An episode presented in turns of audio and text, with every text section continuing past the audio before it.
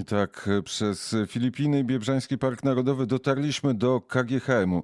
Piotr Chęciński, dyrektor komunikacji korporacyjnej w KGHM jest gościem poranka wnet. Dzień dobry panu.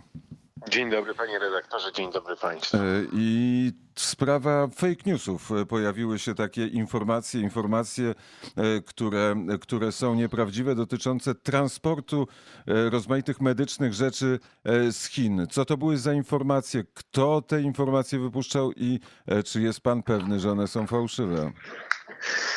O tym, że wszelkie zarzuty dotyczące tego, że rzekome certyfikaty są nieprawdziwe, czy dokumenty, które posiadamy są nieprawdziwe, albo jak stwierdził to redaktor Harłukowicz z Gazety Wyborczej, tu cytuję, są to lipne dokumenty, Mogę Państwa zapewnić, że te dokumenty są prawdziwe, nie są lipne i sprawdzaliśmy to jeszcze przed zakupem i przed dokonaniem transportu. Natomiast ja mam wrażenie, że cała ta sprawa ma dość długi, e, długą historię, albo mówiąc z języka angielskiego, taki długi track record e, różnego rodzaju fake newsów. Myśmy do wczoraj sprowadzili do Polski osiem samolotów i żaden nie wzbudzał takich emocji redaktorów na Czerski czy w Axel Springer, jak e, słynny Antonow AN-225. Nie wiem z jakich powodów, ale rozumiem, że no ten samolot jakoś bardzo e, komuś zalazł za skórę, bo przypomnę, że pierwsze fake newsy pojawiły się e, i one dotyczyły samego ładunku, to znaczy zestawiano przy 80, a dokładnie to było 105 ton w tym samolocie, 105 towarów to dużo czy mało i jakim samolotem można byłoby to przywieźć. Nawet posłanka Lubnauer robiła jakieś wyliczenia dotyczące dwóch czy trzech tirów. No ostatecznie, kiedy wyjaśniliśmy taką matematykę dla klas 1-4, że masa nie równa się objętość. Coś, co waży 105 ton, może mieć bardzo dużą objętość, bo maseczki, kombinezony czy przyłbice są stosunkowo lekkie i e, na pewno już tutaj odwołuję się do takiego słynnego tweeta Wiktora Świetlika, który w jednym ręku trzymał moździerz, a w drugim kilka maseczek i mówił, to i to ma taką samą objętość, ale ten moździerz jakby cięższy, nie rozumiem.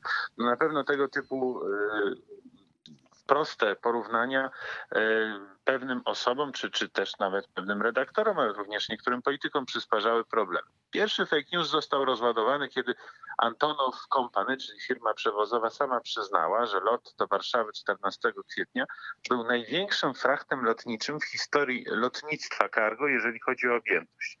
Ten temat się zamknął, ale pojawił się wtedy nowy, ile to wszystko kosztowało. No i oczywiście pojawiły się słynne 3 miliony dolarów, e, wzięte gdzieś kompletnie z kosmosu.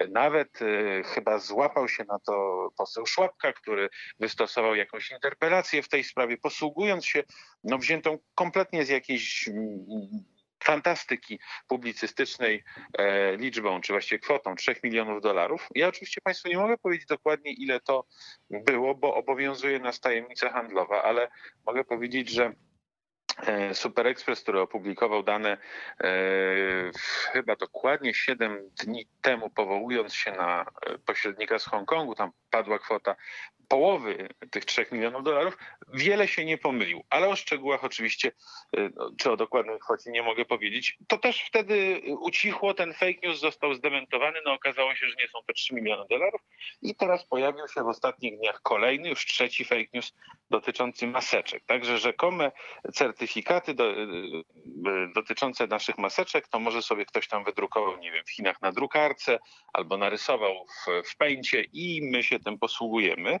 Przy czym y, zaznaczam, że y, no, to samo pytanie, które padło do nas, rozumiem, że w trosce o służbę zdrowia, bezpieczeństwo medyków czy wszystkich, którzy używają tych maseczek, nie padło na przykład do innych osób, które również maseczki czy, czy jakikolwiek sprzęt medyczny ściągali. No ściąga Dominika Kulczyk, ściągał Jurek Owsiak. Ja zakładam, że ich sprzęt jest najlepszej możliwej jakości, ale będąc dziennikarzem, który pytałby o jakość sprzętu, który przyjeżdża do Polski, no nie pytałbym wybiórczo, jednej spółki, e, która ściągnęła ten transport, nie pytałbym w kontekście jednego samolotu, tylko zapytałbym wszystkich. No oczywiście, jak się pan redaktor domyśla, przynajmniej wedle mojej wiedzy takie pytania nie padły.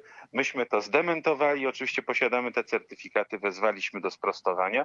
Zastanawiam się, jaki będzie czwarty fake news. Wczoraj spekulowaliśmy, że może ktoś powie, że mm, trzeba sprawdzić, czy w fabrykach, gdzie powstawały te maseczki, był przestrzegany kodeks pracy, bo jeżeli nie był, no to też może ten Antonow bez sensu, że do Polski przyleciał. E, Kulisy warsztatu dziennikarskiego e, są takie, że to pytanie zostało e, oficjalnie postawione przez dziennikarzy. Czy są certyfikaty, czy nie ma? Odpowiedź, było, że, odpowiedź była ze strony KGHM-u, że są, a tytuł był, że nie ma, tak? Dokładnie tak, to znaczy myśmy przekazali wszelkie informacje dotyczące tego, że są, że sprawdzaliśmy, że to jest certyfikat. W XXI wieku to nie jest też taki dokument, który ktoś wydaje i on jest jak banknot, no ma znak wodny albo nie ma i wszyscy trzymamy go w ręku i się zastanawiamy, czy on jest dobry, czy jest niedobry. Każdy z tych dokumentów ma numer i wchodząc na przykład do e, systemu Europejskiej Bazy Certyfikacji, czy na stronę firmy, która go wydała, firmy certyfikującej, można wpisać ten numer i jeżeli ten numer nam wyskoczy w systemie, pojawi się ten certyfikat, to znaczy, że jest to dokument, który jest, że tak powiem, pełnoprawny. I myśmy to wykonali, no ale niestety tego typu wyjaśnienia, informacje nie przekonały, y, nie przekonały pana redaktora Harukowicza, a wcześniej nie przekonały chyba Newsweeka, chociaż Newsweek z tego, co, co się orientuje, bo, bo żeśmy to sprawdzali, y, opublikował, ale nie wysłał do nas pytań, więc opublikował. Nie, nie byli specjalnie zainteresowani naszą e, odpowiedzią czy stanowiskiem, po prostu bardziej interesował ich, e, ich punkt widzenia. I to było e, sprawozdanie z jednego z frontów e, walki w Polsce. Bardzo serdecznie dziękuję za rozmowę. Bardzo dziękuję, pozdrawiam serdecznie. Piotr Chęciński, e, dyrektor Departamentu Komunikacji Korporacyjnej w KGHM, był gościem poranka wnet.